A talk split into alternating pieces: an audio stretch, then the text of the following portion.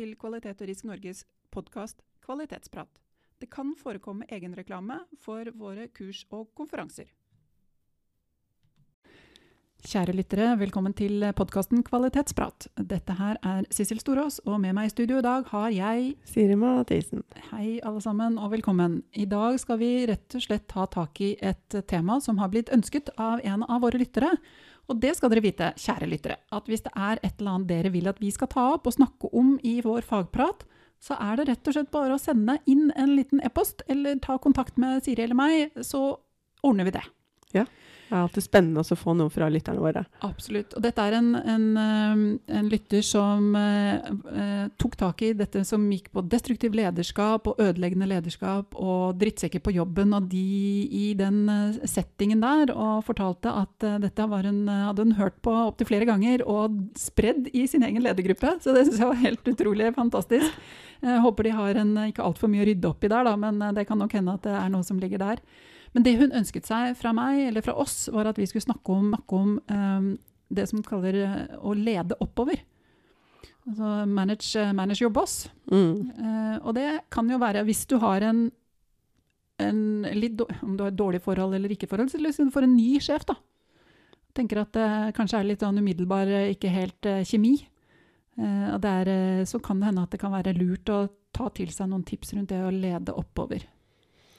Ja, det er jo På en måte så er det sånn den vanskelige veien, for du, du jobber litt motstrøms på en måte, men uh, samtidig så er det jo um, Uansett så dreier det seg om relasjon til andre mennesker. Det er jo det essensen av, av dette her. Liksom, få den, den, gode relasjonen. For har du en god relasjon, så går ting stort sett uh, greit. Uh, gjerne begynne å se mennesker. Mm. Se hvem er det jeg har rundt meg. Jeg tenker Enten du leder nedover eller leder oppover, så er det noe med å se altså leder oppover, så er det noe Hvem er lederen min? Hva er det som stresser ut lederen min? For å finne roen, for at ting skal være OK. Eh, hvordan kan jeg legge til rette med min oppførsel, sånn at den på en måte balanserer Eventuelt sånn at det ikke stresser ut den personen enda mer, da. Mm. Uh, for hvis jeg kommer inn på kontoret, det er jo veldig fort å si ja, men jeg har min agenda. Nå har jeg sittet og tenkt. Og så kommer jeg løpende inn til deg, som sjefen min, f.eks. Og så kommer jeg med noe på bordet og er litt stressa.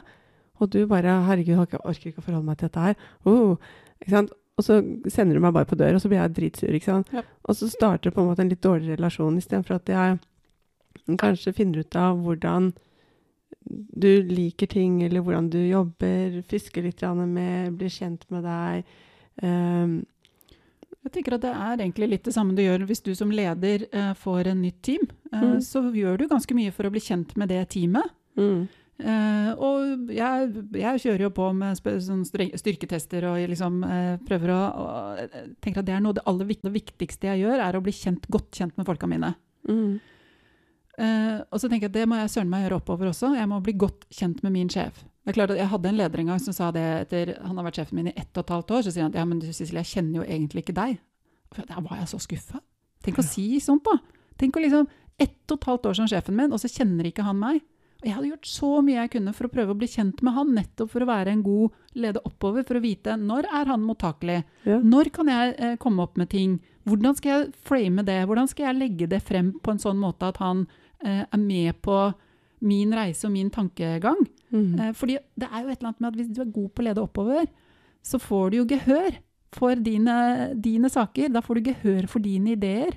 Så det kan kanskje være litt sånn eh, Bli godt kjent med eh, sjefen din finne ut hva er det som får henne eller han til å tikke og gå. Hvordan er det de liker å bli presentert nye ideer, f.eks.? Liker du å få en e-post? Skal de ha et møte på det? De ha, er det ålreit med at du kommer med noe eh, bardus eh, inn på kontoret? Ikke så veldig mange som er det nødvendigvis, men ikke sant? Eller er det rom for et eller annet altså, Hvordan er det de måte, får de til å tikke og gå? Og det er akkurat det samme du gjør som leder mot folka dine. Hva er, som, hva er, styrkene deres, hva er svakhetene deres, hva er det som får dem til å tikke og gå? Hvordan blir de motivert? Mm. Du, må, du, må, du, må, rett og slett bare, som du sier, det er litt sånn baklengs, men allikevel, vi forventer på en måte at en leder skal lede oss. Ja, vi har liksom satt premissene litt der, da. Og så altså, tenker jeg at en leder får nesten alltid en altså Enten du tenker på det eller ikke tenker på det, så er det en litt sånn, kall det mamma-pappa-funksjon. Så, men så samtidig så jobber du med voksne mennesker, så du, du, ser kanskje ikke deg selv i det bildet, mens den som blir ledet, er litt der allikevel at jeg må jo på en måte gjøre denne personen her fornøyd med meg, og den sitter med makt. Mm. Så det ligger på en måte en ubalanse i maktforholdet innebygd på en måte i settingen. Og det, vet du hva, det er faktisk en ganske god, uh, godt bilde, fordi at uh, man, mange sier at du som du kan ikke bli bestevenninne med mora di. Eller mor og datter skal helst ikke være liksom bestevenninner. Uh, mm. Det er litt det samme med en leder og, uh, i teamet. Uh, er det greit at man er f.eks. venner på Facebook? Mm. Ja. er det innafor? jeg for min del har i hvert fall som leder ikke initiert et Facebook-vennskap med mine ansatte. LinkedIn er greit, men Facebook er liksom plutselig litt sånn men hvis de spør meg om jeg vil være deres venn på Facebook, så føler jeg at da kan jeg jo ikke si nei heller. Nei, den er et sånt dilemma. Mm. For jeg kjenner at Facebooken blir veldig mer personlig enn LinkedIn. Eh, eller mer privat, men jeg er ikke personlig, men mer privat. Det privat. Så, så, det er noe med det. Men, men jeg tenker så når du skal ha godt samarbeid, sier sjefen din, da. Mm. Eh, hvis du klarer også å bli kjent med vedkommende, så tenker jeg altså Litt sånn fra coachingutdannelsen min, så, så har vi hatt veldig fokus på dette. At alle gjør alltid så godt de kan der de er, ut fra de forutsetningene de har. Så når du kommer inn en sjef som er skikkelig stressa og kanskje irritabel osv., så, videre, så er det likevel en person som gjør så godt han eller hun kan i den settingen man er i. Altså, Vi vet ikke helt hva som stresser den personen. Hvis vi ikke kjenner dem godt nok, så ser vi ikke helt hvor stresset kommer fra. Eller var det en dårlig dag med kona eller mannen hjemme som førte til den dårlige stemningen? Men det er noe med å ha har man det i bakhodet, at denne personen gjør så godt den kan, sånn at de ikke tar det personlig. Ja. Hvis jeg blir møtt med litt motstand, så kan jeg si at uh, ja, for det var jo det vi ja. fant ut også på destruktiv ledelse, er jo at i stor grad så er det situasjonsbestemt og ikke personlighet. Det er jo ikke sånn at du har psykopater eller uh, sosiopater. Uh, det jo, finnes, men det er jo yderst sjelden. Som mm. regel er det nesten alltid sjelden. Som mm. regel er det nesten alltid situasjonsbestemt hvis man opplever dårlig lederskap eller destruktivt lederskap. Mm. Så det er noe med, som du sier, å ha den empatien eh, og skjønne det at ja, sjefen min er ikke tankeleser. Sjefen min er ikke min fiende. Sjefen min er ikke uh, all, kan alt. Mm. Eh, du har ikke noen sånn en, encyklopedisk eh, minnebank, liksom. Det er ikke noen guru, det er ikke noen person som har alle svar til enhver tid eh, på løpende fot. Mm. Det er ikke noe supermenneske. Det kan være superleder. Eh, det er jo en, mm. Superleder er jo en som har ledet selvledende team. Eller folk med, som er gode på selvledelse. Men du, du, behøver ikke nødvendigvis være en superhelt. Eller du kan, er som regel ikke noen superhelt som, mm. som sjef. Og det kan du ikke forvente heller. Så mange, er jo, de er jo mennesker som uh, meg og deg. Og, og sånn, så de har sine dager, sine utfordringer, sine ting. Og de, noen er jo skvisa fra toppledelsen. Sånn at de har mye de leverer på der. De er veldig opptatt igjen, på samme måte som kanskje du selv da, er opptatt av at din leder skal høre deg. Mm. Så er de også opptatt av at sin leder skal høre dem. da. Sånn at det spillet går på en måte i flere etasjer. Ja. Uh, og det er også faktisk jeg, nå er jeg litt sånn, kanskje litt farga. Jeg leste akkurat en artikkel om dette her av uh, Kotter. Han du vet, han med, med åtte Han med ledelse, endringsledelse. Ja. Uh, John Cotter. Nei.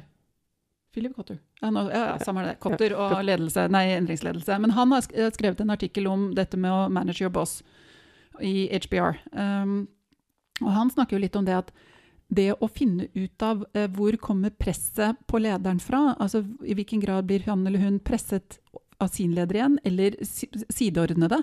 Mm. Hva er relasjonene og det politiske spillet som ligger der? Mm. Og hvordan kan du da være en person som legger til rette for, hjelper til, eh, spiller sjefen din god? Eh, eh Mm. Gjør ting med, med, som du sier, for det første liksom anerkjenne at man har som regel gode intensjoner med det man gjør. Det, alle kan ha en dårlig dag.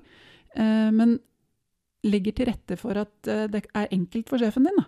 Ja, for det er noe med også altså Når man spiller sjefen god, sånn som du sier, da, altså får vedkommende til å fremstå bra uh, Vi snakka litt før vi begynte her, så er dette manipulering, skal man drive manipulering eller ikke? Men det er noe med at hvis jeg jobbe med min sjef. Ikke at jeg skal manipulere vedkommende, men jeg skal prøve å finne hvor har vi felles interesser, hvor har vi felles verdier, hvor er fellesnevneren vår, og kan legge til rette. Og jo mer jeg kan levere kall det ferdig arbeid til sjefen som man faktisk trenger, fremfor at jeg må be sjefen For det hender folk kommer til sjefen og sier kan, kan, jeg kan gjøre noe for deg, men du må bruke tre-fire timer på meg for at jeg kan hjelpe deg å spare tre timer. Mm. Da blir det veldig feil. Men hvis jeg kan komme inn og si at hva, inn og si at hva, for, få et overblikk hva du trenger for noe, og skjønner hvor sjefen skal hen og hvor hun vil hen med dette her, og jeg kan være den gode assistenten, så vil det jo være mye lettere å si at OK, vi er et team. Vi bygger hverandre opp. Du, der, vet du hva, jeg bare ordna det. Jeg bare fiksa det. Jeg, bare liksom, jeg, det, det tok det, jeg, tok den greia der av din uh, skulder. Din skulder. Ja. den apekatten den forsvant fra skulderen din, heldigvis. Så nå, mm. jeg tok den. Uh, ferdig snakka. Ja. Altså annen, altså, som et eksempel da, på, på, en sånn stadig irritasjonsmoment, og det jeg skal være innrømme nok til at jeg ble jo irritert også, synlig irritert. Vi, altså jeg jobba da i oljebransjen i Oslo. Og motpartene var som regel i Stavanger. Mm. Og hvis vi skulle da ha møte, så måtte vi ha det som nå alle kan, men ikke så mange kunne før 2020. Men nå skal vi, vi hadde videomøter. Mm. Fordi hvis jeg skulle delta, og jeg satt i Oslo, så måtte jeg på video. Ja. Men igjen og igjen og igjen og igjen så ble det innkalt til et møte i Stavanger. Uten, uten rom eller kanal for meg. Og Vi kunne jo ringe opp til rommet, og jeg kunne ringe opp til rommet fra plassen min, men jeg satt i åpent landskap. Ja. Så det at liksom, på momentet da skulle finne seg et eller annet stillerom, dra med seg alt dette her utstyr og PC og full pakke, og skulle delta med en eller annen videokanal med litt sånn dårlig vinkel og uten Altså hele det derre mikkmakket der. Vet ikke hvor mange ganger jeg sa måtte si kan dere være så snill å huske på å booke et møterom til meg i Oslo? Det kan være et stillerom, det går an å booke. Men et eller annet sted hvor jeg kan sitte i fred og ro og være med på dette møtet. Mm. For jeg har ikke så, Som leder har man dårlig tid. Jeg har ikke alltid tid til å liksom følge med på hva er det som står i kalenderen eller ikke. Hvor er det vi skal møtes? Og nå er det to minutter til møtet starter. Og bare shit! Ikke noe rom, ikke noe kanal, ingen noe steder å gjøre av seg. Alle stillerommene er opptatt. Du, altså Så enkel sak som det der. Så legg til rette for at du skal ha et altså, Og da, hva skjer da? Jeg kommer inn i møtet, dritsur. Ja, er det den sjefen du har lyst på? Nei. Ja. Nei. Så, nei, men uh, sånne enkle ting som det der, da. Gjør det enkelt å jobbe sammen. Jeg tror Det kommer jo ned til medmenneskelighet, og kanskje Altså, ikke se personen på en sånn pinnestall, men se på det som en, en, en, person som prøver å få til noe, og trenger hjelpere rundt seg. Mm. Uh, Være et team. Ja. Mm. Det er jo ikke alltid like lett, da, men det er liksom å få tilgang nok til denne personen til at du kan begynne å bli litt kjent med hva den faktisk trenger for noe. Mm. Uh, og så kanskje gjerne gå og spørre, vi snakket om det i en av våre tidligere podkaster, men hva kan jeg gjøre for deg? Snakket ja. om ledere som gikk rundt sånn management walking. Mm. Hva med også en ansatt uh, som går og spør lederen hva trenger du egentlig av meg nå? Mm. Hva, hva, kan jeg gjøre for deg nå? Ja, hvordan står det til med deg? Uh, ja. er, er, det noe jeg kan ta av din Avlaste deg med? Avlaste deg med. Det, har du noen apekatter på skuldra som eh, noen jeg kan, på skuldra som eh, noen jeg kan hjelpe deg med? Eh, jeg har ledig kapasitet. Jeg vil gjerne bidra. Og jeg tror at hvis du er smart da, som medarbeider, og gjør en del av disse tingene, og, og tør å ta beslutninger og stå for dem For det første så får du tillit. Mm. Du får handlingsrom. Du får du, du, du, du blir så godt likt at du ligger godt an for opprykk og lønnsøkning og bonus og alle de andre perksene som kommer med. ikke sant? Så du blir tenkt på som en medspiller. En person som liksom er der, og du vet Sjefen din stoler på deg. Mm. Du som sjef vet. Jeg kan Siri er en person som jeg stoler på. Jeg vet Hun vil alltid levere. Er det noe jeg trenger, så tar jeg og spør Siri, så ordner det seg. Og det veit jeg fordi jeg har vært sjefen din. Men altså, det er noe med den, de personene som bare, bare, ordner opp og gjør ting. Det er så utrolig deilig.